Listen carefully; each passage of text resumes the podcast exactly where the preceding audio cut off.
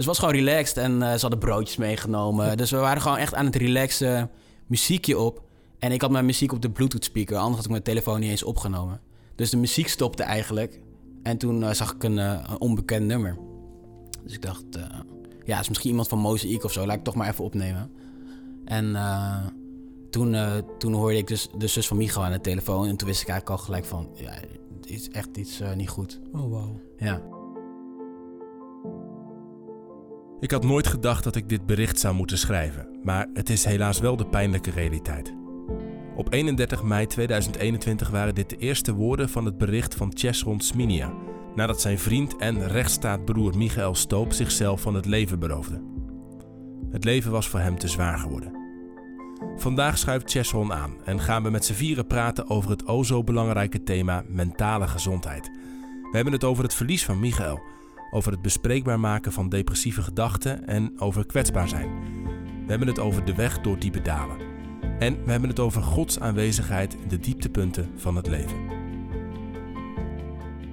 Ehm, mentale gezondheid. En ik Ja. ben heel blij dat jij, Chesron, hier tegenover me zit. Ehm, Paul en Godwin uiteraard ook weer erbij.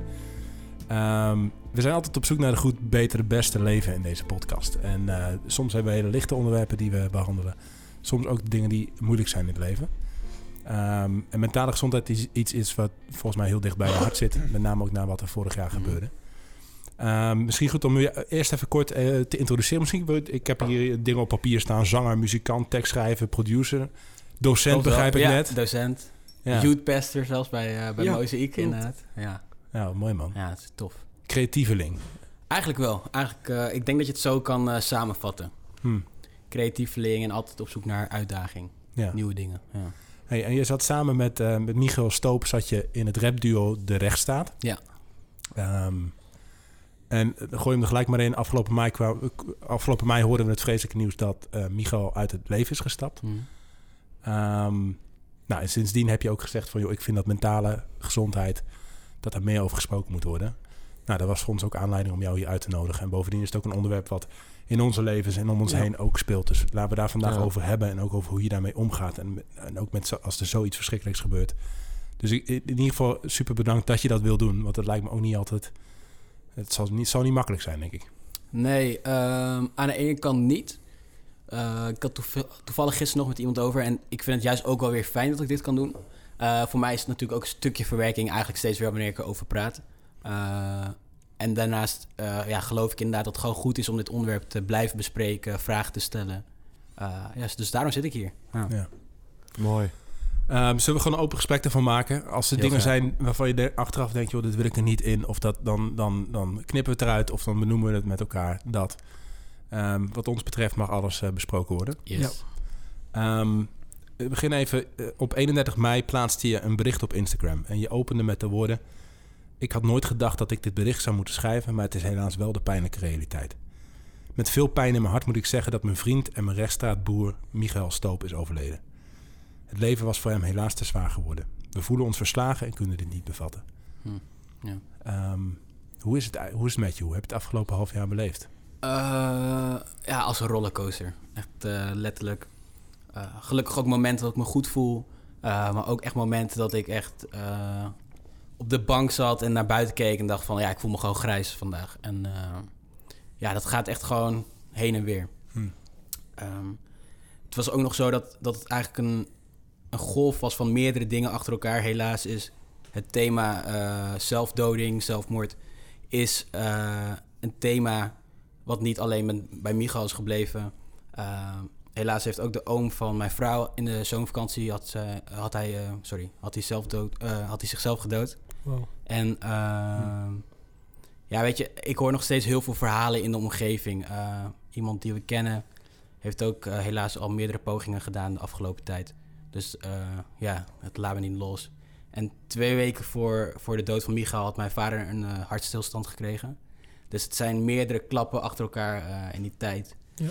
Dus ja, het, het is echt een ja, letterlijke rollercoaster van allerlei emoties en klappen achter elkaar. Ja. En hoe, hoe ga je daar dan mee om? Ehm, ja, weet je, ik zou gewoon een perfect antwoord willen geven, maar eigenlijk weet ik dat ook nog niet zo heel goed. Uh, ik heb nu gesprekken bij de psycholoog, uh, gesprekken met mensen om me heen, uh, gesprekken in de kerk met, met vrienden. En dat, dat helpt mij heel erg. Ja. Um, ja, maar hoe ga je hier perfect mee om? Ja, ik heb geen idee eigenlijk.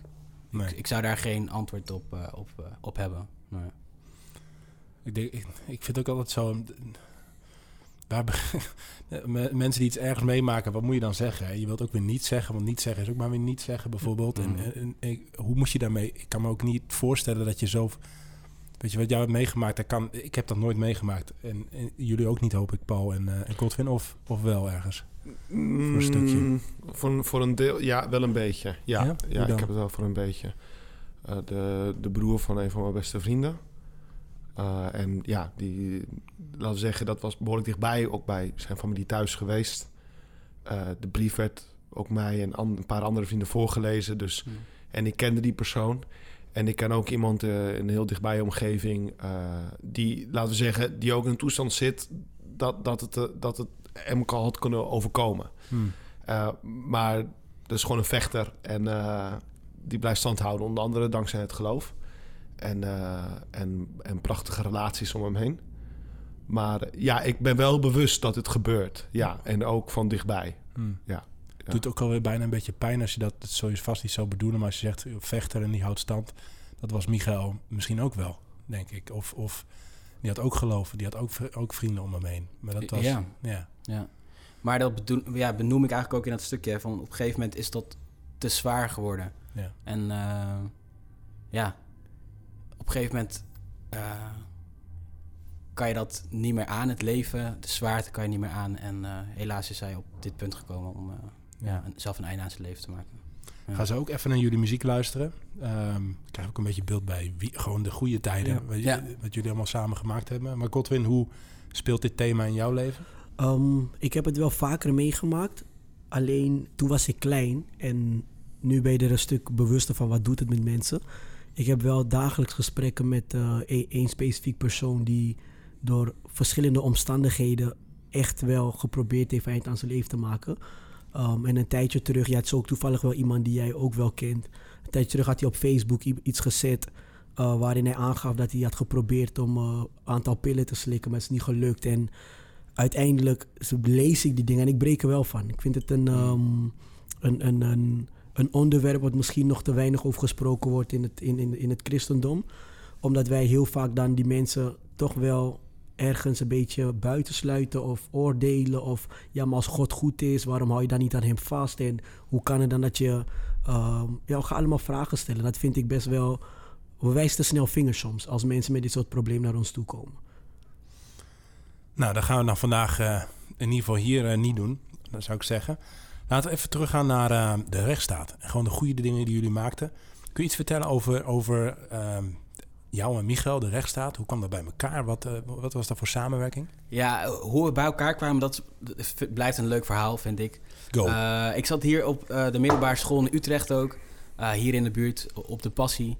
waar ik nu ook zelf les geef. En ik was altijd een beetje bezig met rappen, beatboxen. En eigenlijk was ik heel irritant, vervelend. Dus ik had vrienden en die deden hetzelfde. Dus we gingen altijd in de klas beatboxen en dan uh, stiekem onze telefoon aansluiten op de boxen en dan muziek aanzetten. Eigenlijk super vervelend.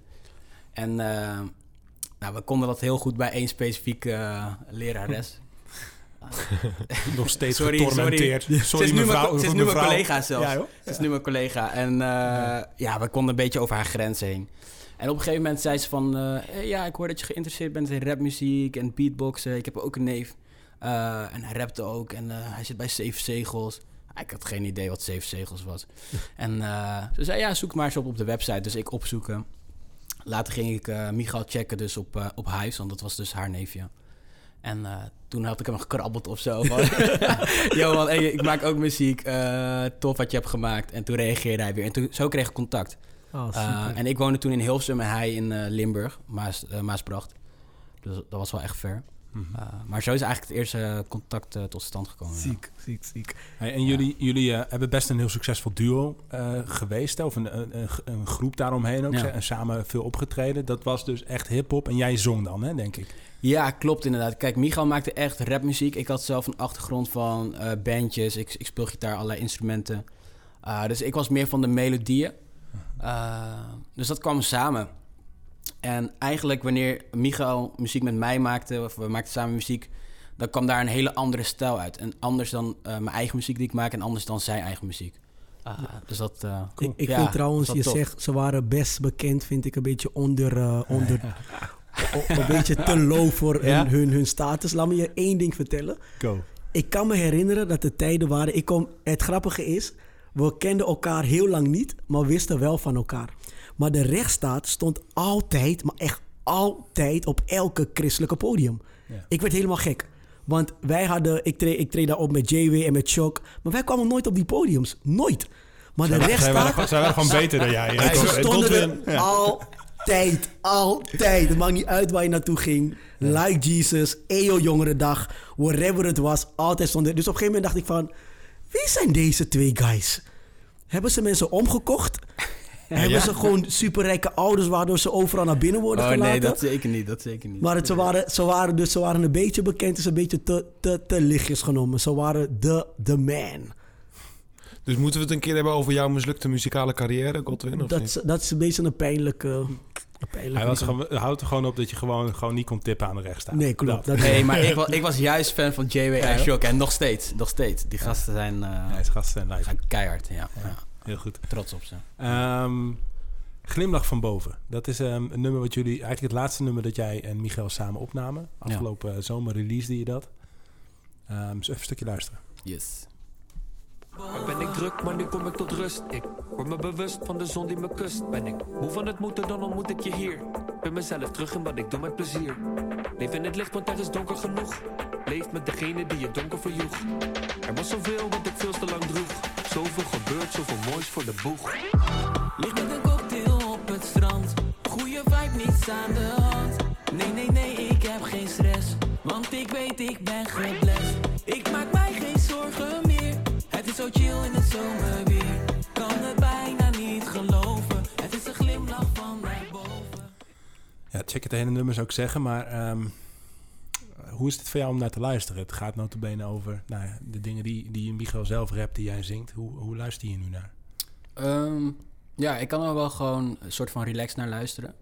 Uh, dat komt ook mede omdat wanneer je voordat je een track uitbrengt, heb je hem echt al honderd keer gehoord en gemixt en gemasterd, dat soort dingen. Uh, dus ik denk dat ik dat wel een beetje verwerkt heb of zo. Uh, dus ik kan, ja, ik kan het wel goed luisteren. Maar het blijft wel altijd heel raar. Dat dit ook gewoon de, eigenlijk de laatste track is die we samen hebben opgenomen. ja, dat heeft een hele rare vibe of zo aan dat liedje ook wel. Ja. Hoe, toen, dan vraag ik me toch af, toen hij dit rapte, Michael, zeg maar, hè, dat, dat leefde dan ook echt in zijn hart? Of was het bijna een soort van over, een soort van, bijna een gebed van laat me zo voelen of zo? Of, of hoe, hoe stond hij in het leven in, in die tijd?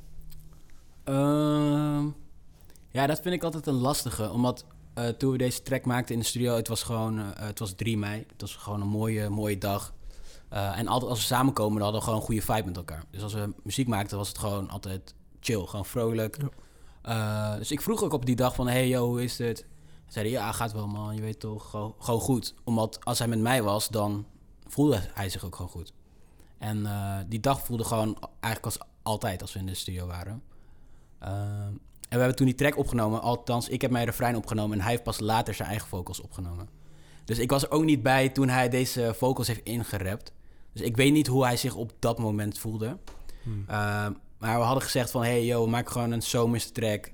Uh, ter ere van uh, Robin die, Roberto Rosso die tien jaar bestaat. Maak gewoon even een lichte track. Dus ik, ik kwam met, licht met een cocktail op het straat... goede vibe, niks aan de hand. Gewoon heel erg van... ja, weet je, we voelen ons gewoon goed. En ik dacht dus dat, dat, dat hij daar ook over schreef. En achteraf denk ik van... heeft hij misschien het zo geschreven dat als, alsof hij in de hemel zou zijn en het zo zou beschrijven. Mm, uh, dus of, ja, een soort van in verleden tijd. Terwijl ik dacht, het gaat over hier, als we gewoon een dagje samen chillen op het strand. Uh, maar dat besef ik pas veel later. Hmm. Uh, letterlijk ook omdat hij op een gegeven moment zegt van... jij weet wie ik was, wij niet, zijn niet te breken. En hij maakt een aantal opmerkingen, dat, of hij maakt een aantal dingen in zijn tekst... dat ik denk van, huh? Het heeft opeens een hele andere betekenis gekregen.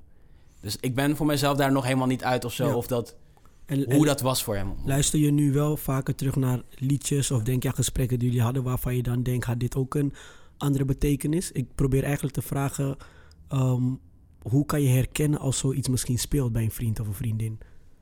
Ja, ja want in, die, in diezelfde lijn wilde ik je net vragen van, van, uh, van, van wat, wat wist jij? En kon je, kon je dingen, kon je zien dat het niet goed met hem ging? Een beetje in de lijn van wat Godwin vraagt.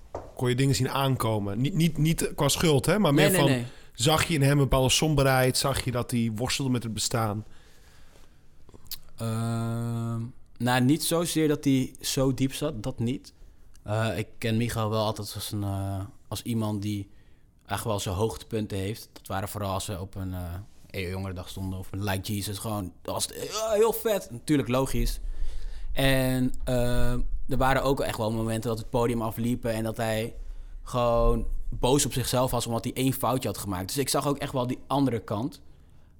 maar dat hij zo diep zat, dat, nee, dat, dat had ik echt niet, echt niet verwacht. Ik heb het ook daarna nog met vrienden over gehad van... hey, hadden jullie dit zien aankomen? Heeft die dingen benoemd? Uh, maar we hadden allemaal dit niet verwacht. het was echt een verrassing. Het was niet van... oh, dit had hem inderdaad kunnen gebeuren. Het was echt een verrassing. Ja, ja, ja, ja, ja zeker. Ja. Je schrijft ook, zeg maar, het leven was hem te zwaar geworden. Mm -hmm. Wat maakte het leven dan voor hem zo zwaar? Weet je dat? Ehm, nou ja, ik heb, ik heb nog zelf ook nog steeds heel veel vragen. Dus ik heb ook echt nog niet op alles antwoord. Uh, gelukkig door de tijd heen, als je met vrienden praat, als je met familie praat, krijg je wel steeds meer een. Uh, als in de, de puzzelstukjes vallen wel steeds meer in elkaar. Dus ik krijg wel steeds meer beeld. Um, ja. Ja, ik, ik, ik, wil niet te veel in details treden. Nee, uh, laat zo zeggen, hij, hij, is, hij zag zichzelf uh, niet als een waardevol persoon. Laat, laat ik het daarop houden. Uh, terwijl zoveel mensen, inderdaad, en wat jij zegt, als je, als je kijkt naar het podium. Ja. Uh, iedereen vond het fantastisch. Oh, rechtsstaat, vette raps en springen heen en weer. maar hij zelf voelde dat niet zo over zichzelf. Hmm. En, dus we hadden heel vaak feest, maar eigenlijk van binnen had, ervaarde hij dat niet. Ja. Ja. En het, het moeilijke is, je kijkt dan... Um, ik volg jullie natuurlijk. En um, ook volgens mij een dag voordat hij um, zichzelf van het leven beroofde, had hij nog een bericht gestuurd naar me van zou je op me kunnen stemmen? Ja. Het was iets voor Phonics waarmee hij bezig was. Dus ook hij gewoon als persoon staat echt in een lift in mijn oog van wow, je maakt echt doorbraken nu. Ja. Um, en ik vond het eigenlijk, ik vond het zo vet om te zien, weet je. Uiteindelijk dat het, het, het, het christelijke wereldje een beetje ook naar buiten treedt en ook bekendheid krijgt buiten het christelijke bubbeltje wat wij kennen.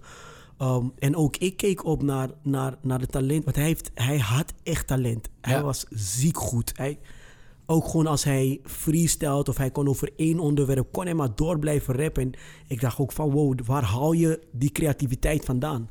Ja. Dus het is, het is um, um, ja, die, die vraag vind ik op zich echt een, een hele goede vraag, Paul. Van zag je het aankomen? Want vanuit mijn oogpunt zag ik het niet aankomen. Omdat ik dacht, nou, het gaat heel goed met jullie. Zowel als rechtsstaat, jij was ook bezig met je eigen muziek maken. Zowel samen als individueel waren jullie heel goed bezig. En waren jullie echt in een lift en dan um, komt dit inderdaad heel schokkend aan. En mijn vraag aan jou is dan als je, als je dit plotseling... Waar, weet jij nog waar je was en wat het met je deed toen je het nieuws kreeg te horen? Wat, wat ging er door je heen op dat moment? Ja, ja zeker. Uh, ten eerste, ik herken heel erg in wat jij zegt. Uh, want ik, ik, ik, ja, ik wist hoe het met zijn muziek ging. Hij maakte gewoon super toffe tracks. Had een eigen studio nu in Vlaardingen. Dus ja, in mijn ogen ging het ook lekker. Inderdaad, hij ging meedoen met die uh, grote prijs van Rotterdam. Maakte hier en daar tracks. dus je zou zeggen inderdaad, hij zat echt in de lift. Ja. en dan om even terug te komen op die vorige vraag. Ik denk ook dat het heel zwaar is om, om die twee gezichten te hebben. Hmm op social media aan de ene kant heel, heel mooi, heel goed. Uh, misschien wel carrière maken. En aan de andere kant gewoon zo totaal anders over jezelf denken. Ik denk dat dat ook ontzettend zwaar is. Uh, ja, om mee te leven. En denk je dan, want dat, dat die disbalans, zeg maar, of die twee uitersten moeten verenigen in, in jezelf, dat dat ook leidt tot die mentale ongezond. Dat, dat, dat je zo Weet je, je kunt zeggen van die zwaarte die ergens in hem zat, hè, dat zichzelf niet waardevol vinden, dat is, dat is al een enorm probleem op zich. Mhm. Maar als je dan ook nog eens uit elkaar gerukt wordt omdat je in twee werelden leeft, zeg maar, dat zorgt er dan voor dat je het niet meer bij me, dat je, dat je het niet meer vol had. Dat je het niet Het, meer het rond is een soort gebrokenheid, Ja, hè? Soort Het is een soort verscheurd gebrokenheid. zijn of zo. Je bent verscheurd, inderdaad. Ik kan me Ja. voorstellen dat op een gegeven moment... Het is gewoon niet meer vol te houden, Nee. toch? Nee. Nee. nee. Hey, en hoe was, want, ehm, hoe was het voor jou om dit, om, op een gegeven moment hoor je, hij is uit het leven gestapt. Ja, ja het was ehm, zoals ik net al deelde van twee weken daarvoor had mijn vader een hartstilstand gehad. Eh, super heftige tijd. Ik was ook op de IC geweest. Hij is op tijd eh, gereanimeerd. Eh, dat is een heel verhaal op zich al een wonder hoe dat is gebeurd. Ehm, en ja, ik, ik kwam daaruit super heftig om mijn vader zo te zien en mee te maken. En ehm, eigenlijk, Esme is mijn vrouw, eigenlijk hadden we voor het eerste moment eh, op die dag dat we het hoorden, dat was op een zondag, dat zoiets hadden van, oh, we gaan gewoon chillen. Het was mooi weer, dus we hadden een paar vrienden geappt van, yo, kom, we gaan chillen aan de Eem in Amersfoort. We wonen in Amersfoort. Dus het was gewoon relaxed en eh, ze hadden broodjes meegenomen. Dus we waren gewoon echt aan het relaxen, muziekje op. En ik had mijn muziek op de Bluetooth speaker, anders had ik mijn telefoon niet eens opgenomen. Dus de muziek stopte eigenlijk. En toen eh, zag ik een, een onbekend nummer. Dus ik dacht, ja, is misschien iemand van Mozaïek of zo. Laat ik toch maar even opnemen. En eh, toen, eh, toen hoorde ik dus de zus van Micho aan de telefoon. En toen wist ik eigenlijk al gelijk van, ja, het is echt iets eh, niet goed. Oh, wauw. Ja. En ik wist, nog, ik wist echt nog niet wat het was, maar normaal bellen wij niet of zo. Dus ik, ik wist al van er is iets aan de hand. En nou ja, toen vertelde zij het. En ja, dan staat je wereld op dat moment echt even stil. Eh, dat was zo tegenstrijdig. Dus het, het was echt mooi weer. En bootjes kwamen voorbij. En mensen gewoon feesten op de bootjes. En aan de andere kant eh, heb je dan net het nieuws gehoord. En dat is echt gewoon... Dat clasht of zo. Eh, ja, dat, dat was echt bizar. En hoe, hoe... Want jij en je vrouw kenden hem beide heel goed. Ja. Hebben jullie aan elkaar eh, steun gehad? En hoe heb je steun gehad aan elkaar? Moest je er juist over praten met elkaar? Of had je juist zoiets van... Hé, hey, laat me maar even het zelf verwerken. Want het was voor jou wel je beste vriend. Ja. Ehm, ja, we hebben wel heel veel steun aan elkaar. Ehm, gelukkig. Ik ben echt heel blij dat we elkaar hebben en dat we elkaar kunnen steunen. En op welke Ah. manier hebben jullie steun aan elkaar? Eh, we hebben steun aan elkaar door in de eerste instantie gewoon voor elkaar te zijn. Dat is echt al een hele grote steun. Als, als zit je naast elkaar op de bank en je zegt even niks, omdat je gewoon geen woorden ervoor hebt, dan heb ik toch gewoon het gevoel dat ze erbij Ja. is. Eh, door erover te praten, dat is heel fijn. En eh Esme eh, ja, is gewoon heel slim met vragen stellen en zo. Eh, ze studeert ook toegepaste psychologie. Dus ehm, zij weet ook bij mij de juiste snaar te raken, eigenlijk, waardoor ik ook ga praten. Ja. Ehm, dus ja, als, als ik haar niet had, dan, ja, ik weet niet, dan had ik er veel minder makkelijk over kunnen praten, denk ik. En had ik echt een stuk minder ook verwerkt. Ja. Ehm, en wat zou je... Je hebt zelf... Ik heb, een- ik heb een heel lijstje met allemaal vragen meegekregen en dingen, et cetera. Maar je hebt zelf gezegd, joh, ik wil, dit, ik wil over mentale gezondheid spreken. Hè? Ik, wil, eh, ik wil dat dit uit de taboes weer komt. Mhm. Wat, wat wil je bespreken in dit opzicht? Wat wil je, waar wil je het over hebben? Waarom, eh, zeg maar, wat wil je voor het voetlicht brengen? Ja. Ehm, weet je, voor, voordat dit alles gebeurde was ik nooit bezig met eh, mental health. Al, of tenminste, ik zag het, af en toe zag ik het wel voorbij komen. Ehm, maar ik zat later te denken, ik heb eigenlijk nog nooit echt een gesprek met, eh, met een vriend erover gehad. Of eh, eerlijk gezegd, in de kerk waar ik toen uitkwam, had ik nog nooit eigenlijk iets van mental health gehoord. Ehm, plus als het ging over psycholoog of zo, dan was het altijd van, eh, we, gaan gewoon bidden en daar ga je niet heen. Of wees sterk. Dus dat gesprek had ik eigenlijk nog nooit echt gehad. En ik denk dat ik, ja, eh, of tenminste, daarom, daarom zit ik hier. Omdat ik zoiets heb van, hé, hey, ik kan dit verhaal nu gebruiken en hopelijk mensen daarmee helpen. En ik ben echt geen professional. Uh, misschien zeg ik wel echt dingen die helemaal niet waar zijn, maar ik kan vanuit mijn eigen ervaring spreken. Ja. En hopelijk helpt het mensen om dit gesprek te hebben. En dat we nu hier ook zitten en het erover hebben, vind ik echt al super waardevol.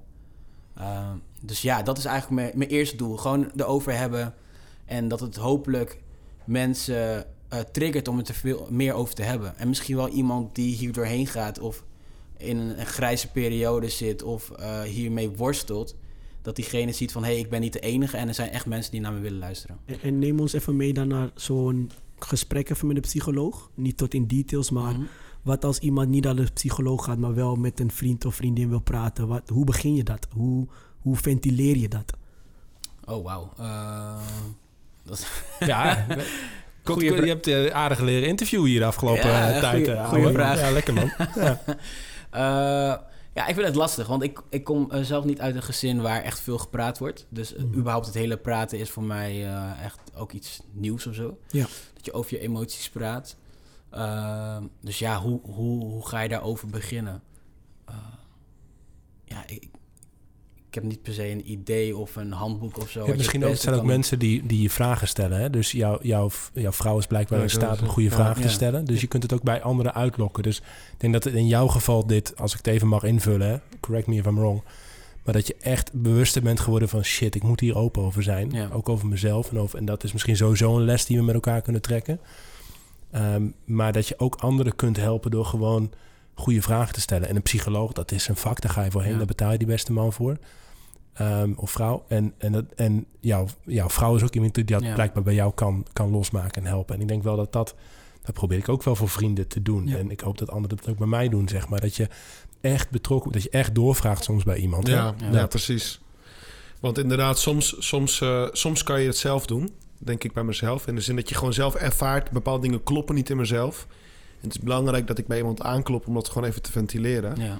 Maar misschien nog de, de, de belangrijkste verantwoordelijkheid... ligt bij de mensen om je heen. Hè? Dus Ja. dat, dat je uiteindelijk echt, echt op elkaar let... Hè? op een bepaalde manier. Dat je af en toe inderdaad wat dieper doorvraagt... maar hoe gaat het eigenlijk echt met je? Of Ja. hoe ervaar jij dit? Of eh, dat, dat soort dingen. Ja, en ik, ik ben nu eh, nog meer in de positie of dat mensen vragen aan mij stellen. Oh, ja. Ja. Dus ik, ik, ben, ik ben nu nog zelf zo eh, aan het verwerken en ik zit nog echt volop erin dat ik het nog lastig vind om dat nu bij andere mensen te vragen. Ja. Dus ik ben heel blij met eh, iemand als mijn vrouw, maar ook echt goede vrienden om me heen die mij nu even de vraag stellen.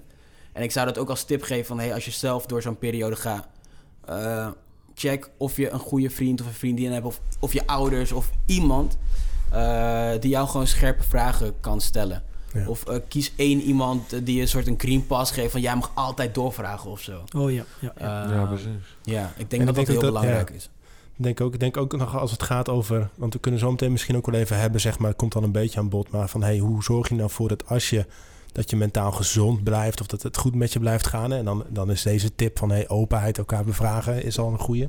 Maar nog even terug wat mij betreft naar die vraag van joh, wat is nou mentaal gezond zijn? Hè? Want jij hebt het over grijs bijvoorbeeld. Eh, ik ik, ik eh, laat zo meteen een stukje horen van een nieuwe documentaire van Hanna Verboom. Dus een actrice, ook met een christelijke achtergrond, die net een docuutje heeft gemaakt over haar hele reis daarin. En haar eigen psychische eh, ja, kwetsbaarheid, mentale problemen. Ehm, en ehm, ik denk dat, zij noemt het zwart, zeg maar bijvoorbeeld. Hè? Dus bij Mich ik denk dat het zwart moet zijn als je in het geval van Michael Mm. zeg maar zo'n bes- besluit neemt. Ehm, ik denk ook dat ik hoor, ik hoor ook van mensen in mijn omgeving niet te maken met paniekaanvallen die overbelast zijn. Het, het kan op, Ja, allerlei, precies. op allerlei fronten kun je natuurlijk ehm, mentaal, psychisch kwetsbaar zijn. En ik vond wel in dat docuutje, ik ga er zo een stukje van laten horen, zit de bekende psychiater Dirk de Wachter. Die noemt het een soort van mentale kwetsbaarheid. En dat vond ik bijna een mooiere term dan mentaal gezond en ongezond. Want dan voelt dat weer een beetje van, joh, je hebt de gezonde en de ongezonde. Dat het. Terwijl we allemaal ergens wel aanvoelen van je zit ergens. Ja, de ene week kan je een soort van kwetsbaarder zijn. En de ene persoon is letterlijk kwetsbaarder. Omdat je gewoon bepaalde stofjes niet genoeg eh, aanmaakt in je hersenen. Of omdat je ja, eh, dingen hebt meegemaakt. Of omdat dingen niet goed gaan in je leven, et cetera. Dus ik vond die term van kwetsbaarheid vond ik wel een goeie. En ik denk dat als je Ehm, ja, de, de- die, die kwetsbaarheid. Even benieuwd ook, Godwin. Herken jij dat eigenlijk in je eigen leven? Of? Ja, ik, ehm, ik herken het wel. En ik heb gelukkig ehm, mensen waar ik er echt heel goed mee over kan praten. Ik blijf JW maar noemen. Nadat hij een artiest is, is hij gewoon echt een hele goede vriend. En zijn, alles bij hem draait om mental health. Alles Ja. draait het echt in zijn muziek. Je hoort het altijd terug. En wij hebben wel eens, eens in de zoveel tijd die random telefoontjes. En dan maakt het niet uit waar je bent, met wie je bent. Wanneer je twee keer gebeld wordt achter elkaar door die persoon, neem je gewoon even op.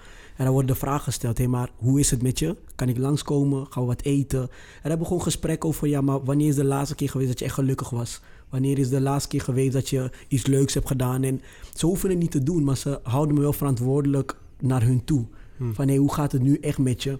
En ik had een tijdje terug met mijn vrouw een gesprek over... stel dat um, je zulke mensen niet zou hebben, wat zou er dan met je gebeuren? En het is echt zo, je wordt gewoon heel erg kwetsbaar. Je wordt, ik heb ook de dagen dat ik echt in een dip zit en dat denk van... ja, goh, ik heb, ik heb geen zin om dingen te doen vandaag. Ik heb geen zin om, om, om, om naar buiten te gaan. Geen zin om te ondernemen. Geen zin om, om niks te doen. En dan vraag ik, zit ik en dan vraag ik mezelf... zou ik vandaag gewoon de hele dag lekker niks doen? En als ik dat blijf doen, dan blijf ik erin. Hmm. Dus ik heb dan ook echt iemand nodig die zegt... ja, kom op, kom ga toch even fietsen. Kom ga toch even joggen. Kom ga toch even muziek luisteren. En ik heb geleerd bij mezelf als ik dat ervaar... dat bij mij muziek wel heel goed helpt. Hmm. Ik zet daar vet hard muziek op en ik ga gewoon heel bewust even dansen. Even springen. Het is zo tegenstrijdig in wat ik voel, maar het werkt wel. Hey, ik vind het wel sowieso mooi dat je dit zegt, hè? want jij bent in, in mijn hoofd altijd een soort blikje Red Bull, weet je. Je staat altijd aan en, uh, je, je, gaat gewoon altijd los. ja. ja, en, en dat, dat is wel... Um, dit, ik weet niet of je die kant, die heb je ook bij ons nog niet eens zo heel vaak geëtaleerd of zo. Hè? Is, dat, is dat iets wat je... Nee, het is iets wat um, komt op het moment dat ik me teleurgesteld voel. En dat heeft vaak te maken met dat ik uit... Um, vaak komt het door externe dingen. Stel je voor dat ik... Ik had een tijdje terug had ik een, um, een, een, een, een, een, een opdracht gekregen... en die wilde ik graag heel goed uitvoeren. En dat ging gewoon helemaal fout. En ik blame mezelf dan daarvoor van... Goh, kon ik, ben ik een mislukkeling? Kan ik niet simpelweg deze opdracht goed uitvoeren? En dat... dat als ik dat genoeg ruimte geef, dan blijft dat in mijn hoofd, blijft dat gaan. En 9 van de 10 keer heb ik die gedachten niet, want ik ga heel blij door het leven, heel bewust ook. Hmm. Maar ik heb soms wel even van die momenten dat gewoon de handrem wordt getrokken en dan is de realiteit gewoon, ik heb dit gewoon echt verknald. Hmm. Hoe ga ik dit nu oplossen? En dan heb ik mijn vrouw gelukkig daar ook wel weer voor. Die kan me echt hieruit halen. En ik heb het op, um, um, dit jaar heb ik het voor het eerst gedeeld, ook op social media. Had ik voor het eerst een selfie gemaakt. Dat was mijn allereerste ja, selfie die ik ooit heel bewust had gemaakt. Waar ik trots op was dat ik kon zeggen dat ik een mooi persoon ben. Ik heb jaren daarmee gestruggeld, ook over mijn uiterlijk. Ben ik mooi? Mag ik van mezelf houden? Kan ik in de spiegel kijken en zeggen... Goh, Godwin, wat ben je een knappe kerel. Hm. Dat heb ik moeten leren doordat mijn vrouw me heel vaak heeft gezegd... je bent mooi en je bent knap. Ze noemen me handsome. En dat triggerde bij mij iets dat ik het ging geloven. Maar ik heb wel iemand nodig, zoals we zeggen. Dus ik denk als we praten over een goed, beter, best leven, dan heb je iemand nodig die je um, zowel in deze tijd eruit kan halen, maar ook buiten dit soort momenten kan inspireren en vertellen dat jij mooi bent, dat je knap bent, dat je um, het gaat maken in het leven, dat je goed genoeg bent. En ik denk dat het een missie voor ons is om dat vaker uit te spreken naar mensen. Al weten we niet of ze er doorheen gaan, maar dat we gewoon uitspreken, want het doet echt wel wat met mensen. Voor, voordat we even een video... Ik, ik wilde ook nog iets toevoegen. Ik las een keer in een, uh, in een interview met een hoogleraar psychiatrie... een bepaalde, een bepaalde idee over mentale gezondheid... die mij ook heeft geholpen. Ik vond het makes sense. Naast die kwetsbaarheid, dat het heeft te maken met disbalance. Hm. En wat hij zei, dat stelde me ook gerust... is kijk, uiteindelijk elke persoon heeft bepaalde neigingen. Heeft bepaalde kwetsbaarheden. Hè? zo is iemand veel meer uh, prone voor bijvoorbeeld alcoholverslaving, voor uh, andere vormen van verslavingen. De andere heeft veel meer met depressie te maken, angststoornissen, uh, bepaalde. Maar wat je ziet is dat er bepaalde tendensen zijn, autisme. En door omstandigheden van het leven, voor, door stofjes, door dingen van buiten, van binnen, kunnen bepaalde dingen je echt in disbalance brengen. Mm -hmm. en, en maar om een beetje af te komen van het idee van hij is mentaal ziek, hij is mentaal gezond. Het heeft veel maken dat, dat we moeten allemaal een bepaalde balans houden. En soms door dingen in het leven binnen jezelf of van buiten. Want het kan ook komen door gewoon harde klappen van het leven of een slechte jeugd. Dat je gewoon opeens helemaal naar iets waar je aan... Bijvoorbeeld, ik denk dat je het allemaal wel zien, misschien in jezelf of in anderen. Sommige mensen hebben gewoon een heel melancholisch karakter. Hm. Dit zijn mensen bijvoorbeeld die veel meer neiging kunnen hebben tot depressie. Andere mensen die hebben dat helemaal niet. Maar dat zijn mensen bijvoorbeeld die zichzelf van binnen heel veel kunnen vreten of die heel autistisch kunnen zijn. Mhm. Andere mensen hebben heel veel, zijn heel perfectionistisch. Die zijn, kunnen veel neiging hebben tot angststoornissen. Of tot, uh, tot uh, vrijheidscrisis. Hè. Hoe maak ik keuzes in het leven? Kunnen helemaal blokkeren. Of heel veel uiterlijk of met innerlijk. Maar ik vond het heel interessant, ook om te reflecteren over mezelf. Want op zich, een grijze dag. Nou, ik ben bijvoorbeeld ook wel voor winterdipjes vatbaar. Mhm. En toen ik dan heel... Ik heb tien jaar in Spanje gewoond, ik ben half Spaans. Nou, daar heb ik niet echt last gehad van winterdipjes. Uh, dat kan ik je garanderen. dus de, de, eerste keer dat ik hier was dat ik een winterdip kreeg... dacht ik eerst, ligt het aan mijn geloof? Heb ik een geestelijke crisis? Heb ik een ah. depressie? Meer mensen in mijn familie hebben depressie. Dus ik begon ook meteen over na te denken. Maar wat me ook hielp is om me door te hebben van... oké, dat je af en toe een grijs dagje hebt, is niet erg. En dat te kunnen accepteren. Dus het is niet een disbalans. Je hebt gewoon even... Je voelt een bepaalde neiging... Op het moment wat, wat jij zei, dat je merkt, dit, dit gaat langer door. hey, dan moet het even serieus nemen. Hm. Maar ook om te kunnen accepteren dat het niet erg is. Dat bepaalde dingen passen ook een beetje bij wie je bent. Bepaalde gevoeligheden die je hebt. Snap je? Ja, maar er zit dus een... Eigenlijk zeggen we... Nou ja, misschien kunnen we het kwetsbaarheden noemen. Maar je hebt wel mensen die... Ehm, ah, je hebt natuurlijk wel gradaties inderdaad. Dus als je het hebt over een, uh, zeg maar een, een winterdip... dan moet je leren herkennen en mee omgaan. Ook met je eigen... Weet je, gewoon de dingen waar je zelf misschien te kort in schiet voor je gevoel. Of gewoon de, hoe je bent, zeg maar. Dat leren accepteren. En dat je ook geen perfect mens bent. En dat er ook gewoon mindere dagen en mindere periodes bij horen in het leven. Maar als je natuurlijk afzakt, zeg maar, naar... Of afzakt, als je afglijdt naar het... Naar, het, naar echt grij, structurele grijsheid of paniek of angst of verslaving of al dat soort dingen. Ja, eigenlijk moet daar dan al heel snel een, een bel afgaan. En ook bij, ja. liefst bij de mensen in je omgeving van hé, hey, dat. En mensen die daar, en die kennen we allemaal, we deden er allemaal zelf nu ook iets van die daar echt gevoelig voor zijn. Ja, dan, dan moet je ook professionele hulp gaan zoeken, denk ik. Hè? Ja. Dan, dan, dan, dan moet je wellicht ook medicijnen krijgen, et cetera. Dan zijn er ook dingen die, die geholpen. Dan, dan gaat het niet meer alleen maar om. Uh, ja, dan, dan heb je echt wel wat meer. Niet alleen die buddy, nee, inderdaad. Trouwens, Dirk de Wachter, die, die, zei, die zei, van ik ook helemaal, zei, we hebben ook het recht om af en toe ongelukkig te zijn. Ja. En dat moeten we ook erkennen. Want tegenwoordig, met, ook met sociale media en alles, hè, krijg je veel te veel het ideaalplaatje te zien. En soms is het, het is ook gewoon goed voor je om je af en toe een beetje ongelukkig te voelen. Want dan ga je ook weer je geluk beter waarderen. Maar dat is ook een balans. Je moet je niet te lang ongelukkig voelen. Klopt, nee, zeker. Maar en heb, herken jij dat, Henk-Jan? Heb jij wel van die zwarte nou. dagen of dipjes, of hoe je dat ook noemt? En hoe, hoe ga jij daarmee om? wat minder. Maar misschien komt dat het omdat ik gewoon te veel. Nou, ik heb wat ik vroeger zombie-dagen noemde. Dat, gewoon dagen dat ik gewoon eigenlijk gewoon alleen maar op de, op de bank wilde hangen. Um, en dat kon in mijn studietijd soms echt een week zijn of zo, of een maand echt. Oh, wauw. En, en gewoon alleen maar gamen en, uh, en, en uh, dat. En um, ik heb wel gemerkt dat in het goede, beter en beste leven... wat mij wel geholpen heeft, um, is structuur en mensen, goede mensen om me heen. Dus oh. het feit dat ik nu twee organisaties mag leiden, dat ik een gezin heb, een zoontje heb, dat de, de gelegenheid om, om, te laat, om te vervallen in zombiedagen, zeg maar, ja, die is steeds minder. Dus en ik weet wel dat het bij mezelf ook wel. Ehm, tegelijkertijd weet ik dat ik ook wel iets daarvan nodig heb. Dus het was helemaal niet goed dat dat zo. Dat voelde ook helemaal niet goed, die zombiedagen. Maar het was Ehm, het, het, het geeft ook voor mij wel een soort van noodzaak aan die ik heb om soms even gewoon in mezelf te kunnen zijn. En even gewoon niks te hoeven. En even gewoon verstand op nul, weet ik veel, serie te kijken. Dus ik moet ook wel een beetje daar ruimte aan blijven, blijven bieden in mijn leven. En voor, voor nu is in, in mijn leven een uitdaging, denk ik, om mezelf niet voorbij te lopen. Niet te druk te zijn. Niet te veel van mezelf te eisen of zo. Maar ik voel me niet mentaal ongezond of, of heel kwetsbaar op dit moment of zo. Dus daar ben ik wel dankbaar voor. En dat komt ook wel door, door die omgeving, dus die me, meehelpt, die me meetrekt in het goede, zeg maar. Ja. Maar eigenlijk ook wat je zegt is, om het een beetje te, te, te, te framen, is... Uh, de disbalans zou zijn dat je maandlang op de bank zit. Ja. Maar dat je af en toe een dagje hebt dat je echt even... Ja, dat, dat, en, en dat zijn jouw neigingen, jouw gevoeligheden. Ja. En, en dat, dat voelt jou op een bepaalde manier. Ja. En dat, dat kan je geluk zijn, maar ook je ongeluk... als het te, disbalans, te veel disbalans is, of niet? En ik denk dus ook wel, en nou ja, dus dat helpt. Waar ik wel even nieuwsgierig naar ben, want dat, dat zit wel echt op een ander vlak dan dat je, nou, zoals Micho uit het leven stapt. Hè? En um, dit soort dingen, goede omgeving, mensen die vragen stellen, goed voor jezelf zorgen, dansen als je, als je niet voelt dat, dat je wil dansen. Maar het is echt wel belangrijk gewoon om, om mentaal gezond te blijven.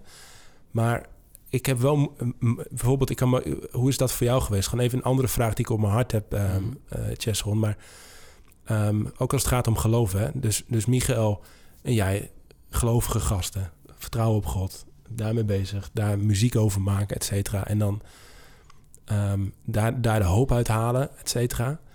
En dan toch zo de diepte in, in vallen of zo. Hè? Hoe, hoe bleef je dat, dat dat gebeurd is? En dat... Ja, moeilijk. Dat uh, het is heel raar. Ik heb momenten gehad dat ik echt dacht van... eh, God, eh, waarom heeft ze niet ingegrepen? Waarom niet dit? Waarom niet dat? Zoveel vragen. eh, en die vragen heb ik ook nog steeds wel. Ehm, en aan de andere kant krijg ik ook wel juist weer heel veel hoop uit het geloof. Zoals eh, bijvoorbeeld op de begrafenis werden er opwekkingsliedjes gezongen. Nou, ik, ik heb die opwekkingsliedjes voor me nog nooit zo hard gevoeld als toen. Dus ehm, ja, ik, dat vind ik gewoon heel lastig. Eh, dus aan de ene kant zijn er heel veel vragen. Aan de andere kant helpt het me echt wel heel erg door deze periode ook weer heen. Omdat ik wel dus een hoop heb en een hou vast. Eh, en dan heeft dan misschien wel een beetje een deukje gekregen. Eh, maar ik heb toch altijd iets waar, waar ik aan kan vasthouden. En, en hoe, hoe, hoe kijk je dat? Dat gaat over jezelf. Maar hoe kijk je dan naar Michael, die ergens in, in zijn nummers ook zeg maar op God vertrouwt en in zijn leven dat. Maar dan toch, ja, misschien is dat het dus ook niet, maar door de, door de onderbodem lijkt te zakken of Mhm. zo. Hè? Hoe, hoe is God daar dan? Weet ik niet. Nee. Nee, weet ik niet. Ik, ik eh, hoorde ooit van iemand, en ik vond dat zo mooi, die zei: ehm, De dood is de ultieme genezing die God soms geeft. Zo. En ik hoorde het en ineens dacht ik: hé, wat bedoel je ermee? En diegene zei: Ja, want als je er niet meer bent, dan heb je geen pijn, je hebt geen verdriet, je hebt geen ziekte meer. En natuurlijk is het, ehm, en dat wat ik steeds meer leer, en ik denk door jou, Henk, ja, leer ik dat heel veel. Zijn wij onbewust heel veel en ik ook ehm, continu aan het invullen voor hoe God bepaalde dingen wel niet ziet en hoe hij bepaalde dingen wel niet ehm, invult in ons hoofd. Dat denken wij dan te weten. Ehm, en daar ben ik heel sterk in. En daar leer ik dus continu van jou van... hey Godwin, denk daar alsjeblieft anders over... want misschien heb je het helemaal fout. Ehm, en ook in dit aspect, inderdaad, wij als christenen... eh, als ik de Bijbel lees, ik bijvoorbeeld... heel weinig mensen die dan zelfmoord hebben gepleegd. En het vult verder niet heel veel in van hoe is God daarmee omgaan? Hoe denkt hij daarover? Wat zegt hij daarover? En wij vullen dat automatisch wel in. Ehm, dus er, ergens hoop ik dat. ehm, ik hoop ergens dat God zijn de gedachten en de manier waarop hij naar deze situaties kijkt, anders is dan hoe wij dat soms als christenen oordelen. Mag ik daar wel, want ik, ik vind het iets heel bijzonders, maar ook iets... Ik weet ik denk ook wat je zegt kan je ook op meerdere manier interpreteren. Kijk, hoe, hoe ik daar zelf naar kijk is... Aan de ene kant, wat me nooit goed lijkt... is om de barmhartigheid van God te beperken... tot mijn eigen, weet je, mijn eigen oordeel of zo. Mhm. Eh, dus ik ken ook een aantal mensen die zelfmoord hebben gepleegd. En ik heb gewoon echt een, denk ik, een heel rechtvaardige hoop. hè, dat het mensen zijn die, die mogen genieten van het eeuwige leven. En dat er een, een, een vader is die ze omhelst. Hè, en dus dat staat vast. Maar ik zal nooit zeggen dat God een zelfmoord zou willen. Nee. En ik weet niet, en misschien bedoel je dat ook niet. Nee. Maar ik zou niet willen zeggen: het is goed geweest dat deze persoon zelfmoord heeft gepleegd. Of misschien in Gods wijsheid heeft God gewild dat die persoon zelfmoord Nee, pleegt. nee, niet dat. Nee, nee. Oké, dus ik weet niet of je dat bedoelde, maar Nee. iets is dat God ook uit tragische dingen heel veel moois en goeds kan halen. En Ja. dat we altijd de hoop hebben en dat we nooit de barmhartigheid van God is, mogen beperken. Maar ik wil het, toch- ik weet, ik weet niet hoe jullie Nee, naar ja, kijken, ik, maar ik vind dat, eh, dat, dat dus op, op zich goed dat je die, die, die twee, dat je de balans daarin probeert te vinden. Ik denk dat we dat allemaal proberen te zoeken. Want ik vind het ook wel een hele mooie opmerking dat het ook een verlossing is, zeg maar. Hè? Ik ken Ja. ook een, op een bepaalde manier. En misschien bijna iets van God of zo. En tegelijkertijd ook 100% met je eens dat, het, dat, het, dat een zelfmoord nooit iets kan zijn wat God wil ergens. Dus ik, ik snap het ook niet helemaal. Ik weet het ook niet helemaal. Maar ik heb ook wel. Je hebt bijvoorbeeld, ik ken bijvoorbeeld een verhaal van, van iemand. ehm, de, de, maakt niet uit hoe ik die ken. Die, ehm, die, die is zo psychisch ziek. Die zit al de, hele leven zeg maar, in allerlei eh, de psychiatrische inrichtingen, et cetera. En die is bezig om eh euthanasie te krijgen op basis van ehm, nou, die psychi- psychisch lijden. en daar kun je als christen ook weer van alles over vinden en over et cetera. En tegelijkertijd denk ik, ja, mijn God, zeg maar, ehm, verlos deze persoon blijkbaar hè, ergens op een bepaalde manier. En ehm, als je na twintig jaar van dat soort lijden, zeg maar, ja, wa- wanneer dat, hè, en dan, dan, dan, dan, dan, dan weet ik niet of euthanasie of zelfmoord het antwoord is of zo, maar op een bepaalde manier is het op een gekke manier ook wel weer een verlossing of zo, of, of een ja, jemig man. Waar, waar, ja, dit- ik, weet niet waar ik moet het- beginnen. ja, Nee. ik wil het niet bagatelliseren, maar En, en je hebt casussen en je hebt casussen waar dingen makkelijker of moeilijker of complexer en grijzer. En dat wil ik niet bagatelliseren. Maar ik ben er wel van overtuigd dat, dat zelfdood nooit. Ja, dat. Nee, ik. ik de oplossing van God zou, nee, zijn. Ja. Nee, hoe, dat, hoe, daar, moeten wij, niet hoe moeten wij als christenen daarin ehm, beter mee omgaan? Hoe kunnen wij ehm, meer ehm, empathie tonen voor mensen die wel continu, bijvoorbeeld waar jij het over hebt, iemand die wel twintig jaar lang continu stemmen hoort of een piep hoort in zijn Ja. hoofd, of, en die wel echt de drang heeft van, maar goh, ik wil hier zo erg van af. Hoe kunnen wij als christenen ehm, zo iemand opvangen? Dat is echt mijn vraag. Hoe kunnen wij ervoor zorgen dat diegene nog steeds liefde bij God kan vinden en nog steeds door wil blijven leven, omdat wij dan zoiets hebben van, nou, ik denk niet dat dit de oplossing is of Gods ultieme oplossing voor jouw leven is. Maar hoe kunnen we wel een steun zijn voor zo iemand? Ja, dat is een hele goede vraag. En eigenlijk komt ook iets bij me op, Godwin. En dat was ook een soort andere vraag die ik wilde stellen. Eh, dat misschien heel relevant is voor de christelijke wereld. Dat is om enigszins een onderscheid te kunnen maken tussen mentale problemen en geloofsproblemen. Want soms kunnen die heel makkelijk door elkaar gaan. Of kunnen we de oplossing in de ene zoeken. Wat jij ook eerder zei van, nou, gewoon, of ik weet, een van jullie twee zei van, nou, bidden en doorstrijden. En soms nee, het is even, ik bedoel, natuurlijk moet je bidden. Maar dit is niet het probleem van bidden. Dit is even, net zoals een lichamelijke ziekte kan door een wonder genezen worden. Maar in principe, als je een lichamelijke ziekte hebt, dan ga je naar de arts. En, dan, ga, en dan, dan heeft hij bepaalde middelen, zodat je kan genezen. Ja. En dan kan je alsnog heel het proces met heel veel... met de voorzienigheid en dan kan je met geloof... kan je door dat proces heen gaan. Hè, van het, het leed van een persoon of van je eigen leed. Maar om ook om dingen een beetje van elkaar te kunnen onderscheiden. En ik denk één ding is... als iemand een depressie heeft... om even een, een denk ik een heel relevant voorbeeld te noemen... dan het eerste van allemaal is om, om in te zien... oké, dat dit is bijvoorbeeld niet een gebrek aan geloof... of aan liefde van die persoon. Ja. Deze persoon heeft gewoon een bepaalde ziekte. Net zoals als hij een been minder zou hebben... dat hij kanker zou hebben of dat hij een flinke griep heeft. Hij heeft gewoon een ziekte.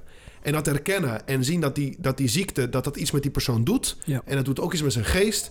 dat is heel gezond. En dat ook aan die persoon doorgeven van... nee, het is normaal dat je dit voelt. Het is niet erg, want je bent ziek.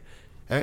En dan professionele hulp zoeken. Ja. Ja. Dat is heel belangrijk. Dat van Tawoem. Gewoon eh, psychiaters en psychologen kunnen enorm goed werk doen. Ja. En die, die, ik bedoel, dat, dat heeft ook niet te maken met een gebrek aan vertrouwen op God. Of, of dat je geen goede vriend bent. Van eh, ik, ik kan hem niet genoeg helpen. Nee, ik bedoel, als hij kanker heeft, dan kan je ook als vriend helpen. Maar je kan niet die kanker oplossen. Ja. Weet je wel? Van, dan moet hij ook gewoon naar het ziekenhuis.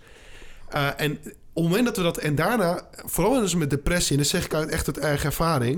Het is heel belangrijk om heel veel te vragen, vooral heel veel te luisteren. En, en die persoon te helpen, maar nooit te forceren. Want die personen hebben heel vaak het gevoel dat ze niet begrepen voelen. En terecht. Want net zoals als een persoon 41 graden koorts heeft... en zegt ik heb gigantische koorts... dan ga je hem ook niet zeggen... nou weet je, beetje opstaan, beetje lekker buiten wandelen... en dan is het weer over. Ja. En zo'n psychische ziekte kan echt als 41 graden koorts voelen voor een persoon. Dan kan niet zomaar zeggen, ook al is dat de oplossing. Ah joh, hè, Nee. eh, even samen dus, een biertje. dus serieus nemen dat het een ziekte is. Het dat is gewoon echt een ziekte. En dat, dat moest ik ook echt leren. Ja? Of tenminste, de, toen dit alles gebeurde, toen, toen hoorde ik van eh, steeds meer mensen van eh, het is een ziekte. En ik had dat nog nooit gehoord echt. Eh, en dat heeft mij inderdaad veel geleerd.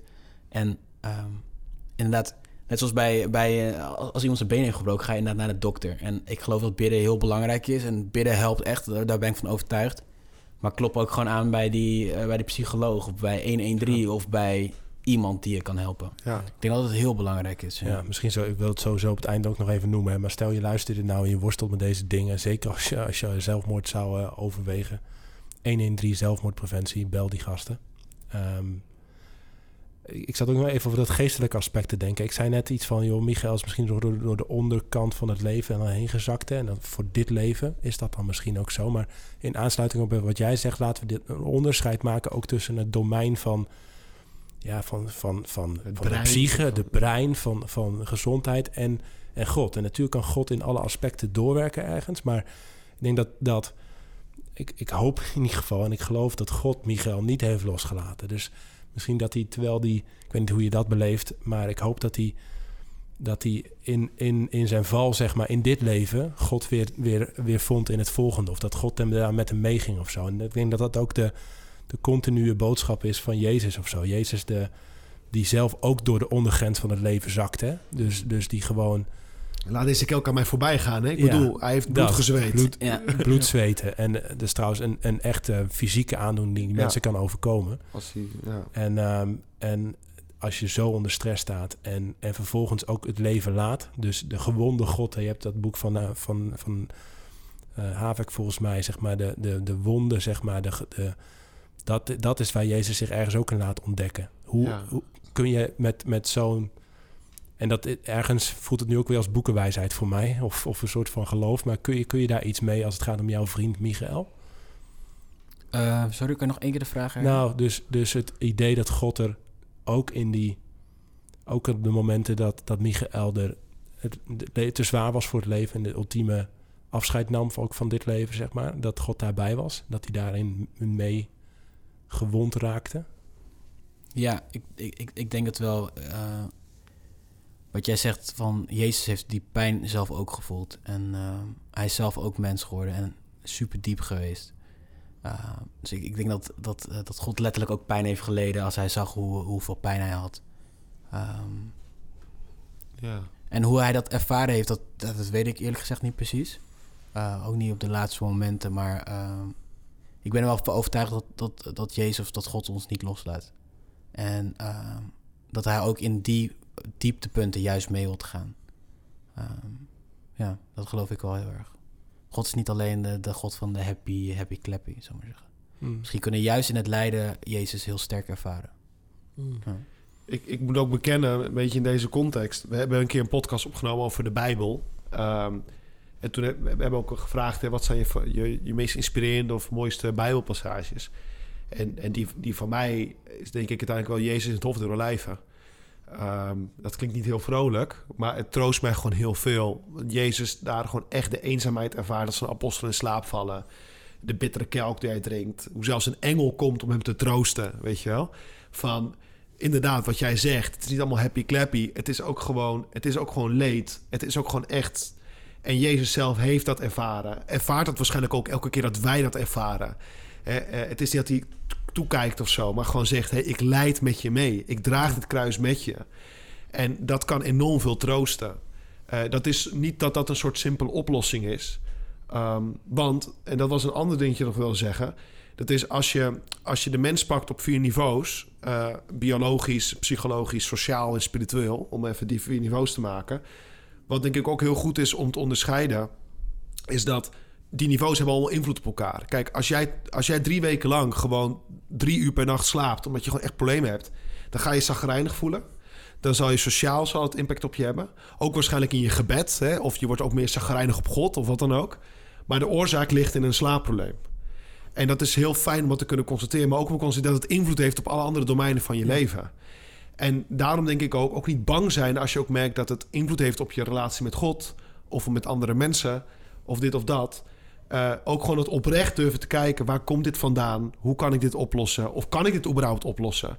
En dat kunnen aanvaarden of accepteren. Zoals Jezus ook. Dat bloedzweten, weet je, dat is op het biologisch niveau. Hè? Maar dat kan natuurlijk door een geestelijke oorzaak in het geval van Jezus. Ik weet niet, het zijn... Ik weet niet of je iets mee kunt of zo, maar mij hielp het wel om dingen iets meer vat of grip op te krijgen. En om het om er enigszins voor mezelf een beetje te kunnen, te kunnen plaatsen of zo, weet je wel? Ja. Um, fragment.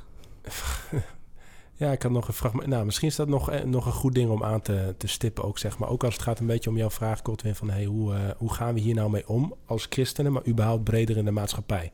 Misschien is dan het laatste ding wat we echt nog even met elkaar moeten bespreken, wat mij betreft. Um, en misschien goed om dan met een, een fragmentje te beginnen uit die, die documentaire van Hanna Verboom. Is gratis te vinden op cinetree.nl, dat is haar filmplatform. En zij, um, pak hem er even bij. Zij, um, zij, heeft, zij was best een bekende actrice, zat in Hollywood, et cetera. En uh, uh, mooie spontane meid, zeg maar. Maar in de tussentijd gewoon psychoses, ellende. Daar vertelt ze heel open over in deze, in deze, um, deze mini-docu. 10 minuutjes duurt die. Cinetree.nl. De film heet Uit de Schaduw. En zij um, Even zien hoor, ik pak even het juiste fragmentje erbij. We konden hem niet rippen. Heel goed, goed beschermd. 3, 309, ja, ik heb hem hier ook. Laten we even luisteren, want zij interviewt in die documentaire dus... Um, ze vertelt haar verhaal en ze interviewt Dirk de Wachter. En Dirk de Wachter vertelt dan eigenlijk over het advies, het cynische advies wat hij geeft aan mensen in zijn praktijk om ook maar soms te verbergen voor je werkgever bijvoorbeeld dat je psychische klachten hebt. Luister even.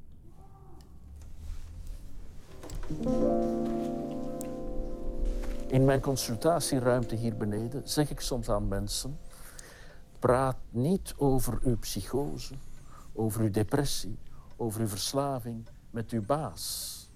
Want de kans is groot dat de volgende jaren uw promotiekansen voorbij zijn. Dat is de realiteit. Ik zeg het met pijn in mijn hart. Maar ik adviseer vaak aan mensen om te zeggen: zeg dat je uw been gebroken hebt op de skivakantie. Dat staat chic, weet u Ja, het is toch nog altijd een werkelijkheid dat mensen met een psychiatrisch dossier, om dat zo te zeggen, in de, in de werkcontext, in de professionele context, significant minder kansen krijgen. Hmm. Dat is best wel. En hij is echt een vooraanstaand psychiater. En dit gaat eigenlijk. Eigenlijk zouden twee vragen. Die vragen. Die professionele context. Maar eigenlijk ook wij als christen of in de kerk. Hè, zeg maar. Is er. Moet je jezelf verbergen. Als je hiermee worstelt. Is dat zo? Nou, ik, uh, ik, ik ben het zelf daar niet mee eens. Dus ik zou zeggen, skip die promotie voor volgend jaar. Zoek een andere baan. uh, dus verberg je niet. Uh, maar het is wel pijnlijk uh, als je kijkt naar de context waarom hij dat zegt. Hm. Dus dat er zo weinig aandacht is dat het eigenlijk ook nog niet erkend wordt. Dat je beter kan zeggen van hey, ik heb mijn been gebroken. dat vind ik wel pijnlijk om te horen. Ja. En dat laat ook zien hoe, hoe ver we daar nog in achterlopen, zou ik maar zeggen. Ja. Ja, hij, hij zegt ook, ik zeg het met pijn in mijn hart. Ja. Het is niet iets waar hij trots op is om te zeggen. Ik denk dat je het misschien op je werk, um, als wat hij adviseert, heel serieus kan nemen. Maar ik denk als christenen zouden wij juist een veilige omgeving moeten creëren voor elkaar om erover te kunnen praten. Dus um, ik denk dat we een grote inhaalslag hebben als christenen.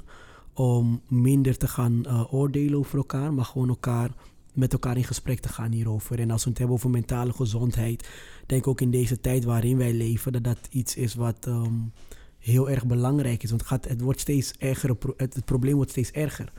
Um, ook nu je um, straks ja, toch wel gescheiden kan worden van mensen waar je misschien continu mee omging. En dan mag je nu niet meer in dezelfde ruimte zijn of whatever. Kan je ook wel heel erg in een depressie raken. Dus ik denk dat wij als christenen een taak hebben om Um, letterlijk wat Jezus zei over het verhaal. Kom ik toch terug op dat verhaal van de goede Samaritaan. Dat uiteindelijk um, vraagt Jezus aan die man die die vraag stelde: hoe, kom ik de, hoe krijg ik eeuwig leven? En Jezus vertelt dat verhaal. Zegt Jezus uiteindelijk: wie van deze mensen was, de, was zijn medemens? En het antwoord van die man was ja, degene die, um, degene die medelijden had. En ik denk dat wij meer medelijden mogen tonen als christenen. En gewoon het gesprek aangaan en eerlijk mogen zijn over hoe we ons soms voelen. En mensen niet oordelen als ze vertellen dat ze bijvoorbeeld depressief zijn of zelfmoordgedachten hebben. Maar ook erkennen dat het waar kan zijn. Want soms stoppen we het weg van ja, maar dat is niet van God of dat is niet goed. Denk er maar niet aan. Ja, denk er maar niet aan. Het, het komt wel terug, die gedachte. Dus dat wij misschien een platform moeten creëren als jeugdleider, als um, voorbeeld in het huis. Ik wil bijna zeggen als pastor, uh, Paul. als, als leider van de, de, de, de eigenaar van Living Image. als gezinshuisouder. Maar gewoon als christen dat wij deze gesprekken mogen aangaan met mensen. En serieus mogen nemen. Ja, en, en daarbij moest ik ook nog denken... dat betekent ook dat, je, dat we, zeker mensen die een bepaald platform hebben... maar iedereen eigenlijk, dat je... Het begint heel vaak bij zelf kwetsbaar ergens durven zijn. Hè? Dus ik had laatst een moeilijk gesprek met mijn vrouw of zo. En zij was kwetsbaar ergens in. En dat, dat matchte niet goed of zo. En pas toen ik zelf ook kwetsbaar werd of zo, vonden we elkaar weer of zo. Hè? Dus het, uh, ook, en dat kan ook in de kerkelijke context, ook op sociale media. Ik heb ook wel eens het voorbeeld genoemd van die vriendin van me, of die oude vriendin van me, die, die elke maand een soort van, van verslag post op Instagram van de tofste dingen die ze gedaan heeft. Maar er zet ze ook altijd bij als ze weer een, een depressieve dag heeft gehad, of als ze terugval heeft gehad, of dat hè. En ik zat ook bedenken, ik zit dan van die LinkedIn-blogjes te schrijven en zo. Het zijn allemaal toch wel een beetje succesverhalen. Dus de volgende moet misschien gewoon even iets, iets, iets kwetsbaars zijn. Want dat is ook onderdeel van je leven. Dus ik denk dat we in de relaties, in de kerk, in de social media heel bewust misschien moeten gaan zeggen: we gaan het gewoon expliciet maken. We gaan het gewoon benoemen, die zombie-dagen van mij. Of die, die grijze dagen, die grijze week van jou. Dat soort dingen. Nou, maar daar wil ik wel even één kritische noot bij plaatsen. En dat hoeft dit niet uit te sluiten. Dat, mhm. eh, en dat is het volgende. Kijk, hoe breder je deelt, hoe vatbaar je wordt ook voor uh, heel veel bevestiging. En ik wil wel een klein pleidooi houden voor discretie. En discretie betekent niet dat je het niet deelt. Het betekent dat je deelt met de personen met wie je het hoort te delen. Want je hebt ook gewoon te maken met je eigen intimiteit. Ja. En je kwetsbaar opstellen wil ook zeggen... kwetsbaarheid impliceert dat mensen je pijn kunnen doen. En als jij bijvoorbeeld op sociale media iets heel kwetsbaars gaat stellen... en misschien moet je dat in geweten doen. Hè? Ik, ik zeg niet uh, dat het nooit... maar in het algemeen zou ik zeggen... misschien is het gewoon beter dat je wat discreter bent. Zowel over je goede dingen als over je slechte dingen. Behalve als je een heel duidelijke rol hebt, et cetera. En deel die dingen wel met de mensen die er iets aan hebben... en iets voor je kunnen betekenen. Want ik denk ook op je werk, ja, heel veel mensen hoeven het ook gewoon misschien niet te weten. Want het is ook wel dat iedereen op je werk weet dat je depressief bent. En dat iedereen misschien dan op, op een bepaalde manier met je omgaat. Misschien is het gewoon beter dat je manager het weet, die hele goede collega van je. Want die moet het weten. En de rest hoeft het gewoon niet te weten. Ja. En misschien moet iemand het op een gegeven moment weten. Toch, toch, toch, deels ben ik het met je eens. En je, moet je nooit gedwongen voelen om iets te delen op een plek waar je dat niet prettig vindt of waar je niet veilig bent. Dus 100% eens daarmee. Je hoeft ook niet alles uit te venten. Het mag, dingen mogen privé blijven, dus daarin goede aanvulling. En tegelijkertijd merk ik wel bijvoorbeeld bij Move in alle portretten die wij maken. Hè. We, maken we hebben honderden portretten met kleine getuigenissen van mensen gehoord. Er komt alles langs. Van, van, van depressie tot boosheid op de kerk, tot handjes in de lucht en, en alles wat ertussen zit. Hè. En ergens vind ik het juist mooi aan onze generatie dat we er bewust voor kiezen om daarin wat opener te zijn, misschien dan vorige generaties, ook in het publieke domein. Want heel veel van ons leven speelt zich juist af op die sociale media of in het publieke domein of in de kerk, zeg maar. Dus ook op die plekken, de meer publieke plekken, moet volgens mij wel de. Als we, als we ruimte willen hebben, dan moeten we ook op die plekken toch. Als, het, als je het enigszins durft of zo, toch ook weer kwetsbaar zijn. En ik merk bijna nooit. En dat is, dat is misschien dan wel. Eh, dat vond ik bijna het schokken dus aan Dirk de Wachter wat hij daar zegt. Dat dat verkeerd ontvangen wordt of zo. Misschien is dat mijn context. Misschien heb ik een veilige organisatie waarin ik werk. En ja, maar dan wil ik. Ja, maar dan, ik snap het helemaal. Maar dan bijvoorbeeld op, op één gebied waar, waar ik me heel veel verdiept heb, bijvoorbeeld op het gebied van. Uh, van minderwaardigheidscomplex, uh, van angststoornis en dergelijke. Denk bijvoorbeeld aan sociale media. Kijk, stel je voor, je hebt een, een, een meisje van 17 die gewoon heel veel lijdt uh, onder, onder dat bevestigingsdrang, weet je wel. en die influencer wil zijn en, en, en al dat soort dingen. Kijk, voor die meid is het misschien juist heel gezond dat als ze ergens mee worstelt en ook de goede dingen, dat ze het gewoon tijd even lekker niet doet. Hmm. En als ze het doet bij een goede vriendin, bij haar ouders en bij een paar andere mensen. Kijk, wat ik wil zeggen is, het is niet van ze spreken dat je het in het publieke domein moet delen. Want je hebt ook gewoon te maken met je intimiteit. En intimiteit, daar moet je ook voor waken. Dat moet je niet zomaar delen. Dat moet, dat, je kan onderdeeltjes van je intimiteit delen... als een duidelijke toegevoegde waarde hebben. Bijvoorbeeld, je bent echt een top-influencer... je bent een superacteur, weet ik wat allemaal... en iedereen vindt je helemaal tof. En dan is het misschien heel goed dat je af en toe gewoon deelt... het leven is gewoon even kut. Hmm. En ik leid er nu onder... en ik wil juist dat, dat de mensen die me al volgen dat weten... Ja. Fair enough. Maar iemand die leidt bijvoorbeeld onder een bepaalde bevestigingdrang... die heel onzeker over zichzelf is, weet ik veel wat... Misschien moet hij dat eerst putten uit een nabije omgeving... en niet zomaar lopen ventileren. Ook om te weten, wat doet het met jou? Dus ik wil, ik zeg, ik zit hier niet te kijken dat het moet zo. Ik zit alleen, denk er heel kritisch over na. Want je, snap je? Uh, Want elk psychologisch probleem is anders. Ja. Ik vind niet van zo spreken dat mensen dat zomaar moeten delen met iedereen. Dat, dat is eigenlijk uh, mijn pleidooi. Maar ik vind het heel mooi van de Move community inderdaad... dat mensen allemaal dit soort dingen juist kunnen delen. En dat ook gewoon doen. En volgens mij is ja, ik weet niet. Ja. Dus dat wil ik ook niet, dat wil ik niet uh, nee, het is een beetje dubbel, dat snap ik. Hoe luister jij hier naar, Chesson? Ja, ik ben het uh, inderdaad totaal met je eens. Uh, met Paul? ja, precies. Ja. maar misschien ook wel met jullie allebei, eigenlijk. je moet daar de balans in vinden. En waar die balans ligt, dat is heel moeilijk. En dat verschilt echt per persoon. Ik was trouwens wel echt heel blij, of ja, heel blij, klinkt, klinkt, klinkt echt raar. Maar toen, toen de Micha was gebeurd en ik dat uh, via het persbericht had bekendgemaakt, kreeg ik heel veel reacties van mensen uh, die daarop reageerden. Van hey, ik ging zelf ook door een moeilijke tijd. Ja. Uh, oh, wow. Dus ik, ik, ik was dan niet blij natuurlijk dat ze dat hebben meegemaakt, wel, maar wel dat ze er iets aan hadden dat er meer over gesproken werd. En ik, ik hoorde daar ook weer verhalen van hoop uit. Dus daar was ik wel ook weer heel blij mee. Ja. Dus ik had het persbericht online gezet, gewoon omdat het wereldkundig gemaakt moest worden. Maar op dat moment hielpen dus ook heel veel mensen om een gesprek erover aan te gaan. En dat vond ik wel heel gaaf. En dan ben ik wel weer heel blij met de reacties. En dat mensen open durven te zijn. Hm. En ook van mensen van wie ik het echt niet had verwacht. Ja, Die dan, die dan een appje sturen en dat ik echt dacht van... Wow, jij? ja. Dat, dat, dat mooi. wist ik echt niet.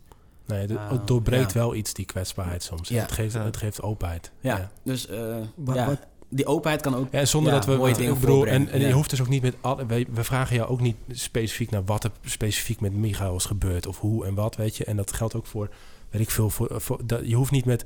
Als we het over een aflevering over seks maken... hoeven we ook niet de details van ons seksleven te delen, zeg maar. Bepaalde dingen zijn intiem en privé. Ja, ja. Maar in, in wat ons bezighoudt en wat ons, wat ons, eh, ons hart, zeg maar, raakt... daar mogen we wel open over zijn. Zeker in een veilige context, hoop ik. Maar zeker. Wat hoop jij nu nog te, wat hoop je te bereiken, zeg maar, in de gesprekken die je start en eh, de plek waar je naartoe gaat? Wat hoop je te zien over een, over een aantal jaar in deze generatie? Ik hoop een, eh, eh, een stuk meer openheid over dit onderwerp. Eh, dat wanneer we zoiets horen, dat we niet schrikken of dat het wegwuiven, maar dat we echt durven te vragen van hé, hey, hoe gaat het echt? En dat we vaker die gesprekken met elkaar hebben. In plaats van hé, hey, hoe gaat het goed? Ja. Maar dat we echt daar dieper in durven te gaan. eh, en durven te erkennen, dus als, het, als iemand zich echt shit voelt, zal ik maar zeggen. Ja. En ehm, toch hoor je nog heel vaak van, nou ja, we bidden ervoor. En, ik, en ik, dat is heel, heel belangrijk, heel goed. Maar ga ook alsjeblieft het gesprek met elkaar aan. Ja. Dat hoop ik echt meer te, meer te kunnen zien. En ik ben blij dat, dat jullie hier ook al een aflevering aan besteden. En eh, dat er een aantal meer van media waren die hier aandacht aan besteden. Ik denk dat het heel belangrijk is, ja. Mooi man. Ehm, twee dingen. We hopen dat het... Ik hoop dat het met jou gewoon eh, langzaam meer... ehm, nou, fijn dat je blijft delen. Blijf die openheid, ook als het niet goed gaat, is ook prima. Dat mag Ja. er ook zijn. Maar ik hoop ook dat je alle klappen van de afgelopen tijd ook een beetje mag, eh, mag verwerken. De komende periode, of weet ik hoe lang het gaat duren. Ja. Ehm, en ik dacht, ik had net even een invalletje. Ik heb het niet voorbereid of van tevoren te- aan, je, aan je gevraagd. Maar Michael, eh, jij, jullie zijn mu- muziekmannen. Ja. Kun, heb je een, kunnen we eindigen met een, een nummer? Iets, een soort tribute, een, een, een nummer wat, wat hij mooi... Iets, iets om hem even op een mooie manier... Ja. Heb, je, heb je een nummer? Kan ik iets op YouTube opzoeken waarvan je denkt van... God, dat, dat zouden we even moeten luisteren nu nog met elkaar. Nu zit hij te glimlachen uit de hemel als hij dit luistert. Oeh, ik had eigenlijk een ander nummer in mijn hoofd. Eh, een nummer wat mij heel erg heeft geholpen afgelopen tijd. Mag dat ook? Oh ja, het is Ja, ja, tuurlijk. mooi. ja. Dat is eh, Grijs van, eh nou ja, van Nielsen, maar dan onder zijn eh, eigen naam, Niels Litoy. Oh, ja. Hij heeft een EP uitgebracht. Ehm, hij is zelf een neef van hem volgens mij verloren, ook door een moeilijke tijd heen gegaan. En toen heeft hij een EP'tje gemaakt. Eh, de EP heet ook Grijs. Allemaal liedjes die over, rond, eh, over dat thema gaan. Hm. Grijs voelen, grijs, eh, ja, om je heen. Maar Niels Litoy, Grijs van Nielsen dus, de artiest.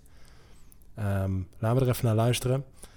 Ehm, mocht je nou dit gesprek, ik heb het al eerder gezegd, maar mocht je door dit gesprek het gevoel hebben van, joh, ik, ik worstel hier ook mee, zeker als je denkt aan, aan zelfdoding. 113, bel die gasten. 113 zelfmoordpreventie. Ehm, loop je echt tegenaan en je wilt gewoon eens even met iemand praten. Je hebt niemand om eh, mee over te praten. Laat ons even weten eh, waar je mee zit. Redactie at move.community. Redactie move.community. Je kunt ook gerust naar een van ons drie of naar Chesron misschien rechtstreeks vragen of een DM'tje. Zoek ons op. Ehm, en we kunnen je altijd... We hebben, we hebben heel veel mensen die... kennen heel veel mensen die eh, op allerlei terreinen je vast kunnen helpen. Dus laat dan even van je horen. Ehm, jij bedankt man Yes, voor, thanks. ehm, voor je openheid. Ja, bedankt. Echt, eh, ja, tof om hier te zijn en eh, het erover te hebben. Ja. Nogmaals, ik ben geen professional, maar ik kon eh delen vanuit mijn ervaring en daar was ruimte voor, dus dankjewel. Dank jou. We eindigen met Grijs van Niels Letoy.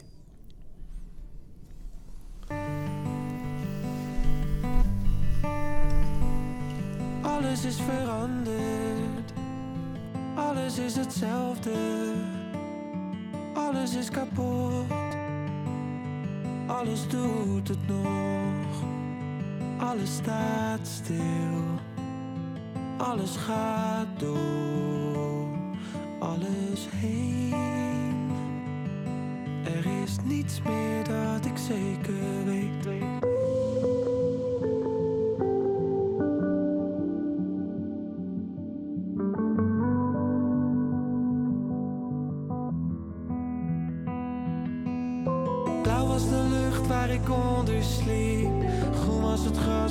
over.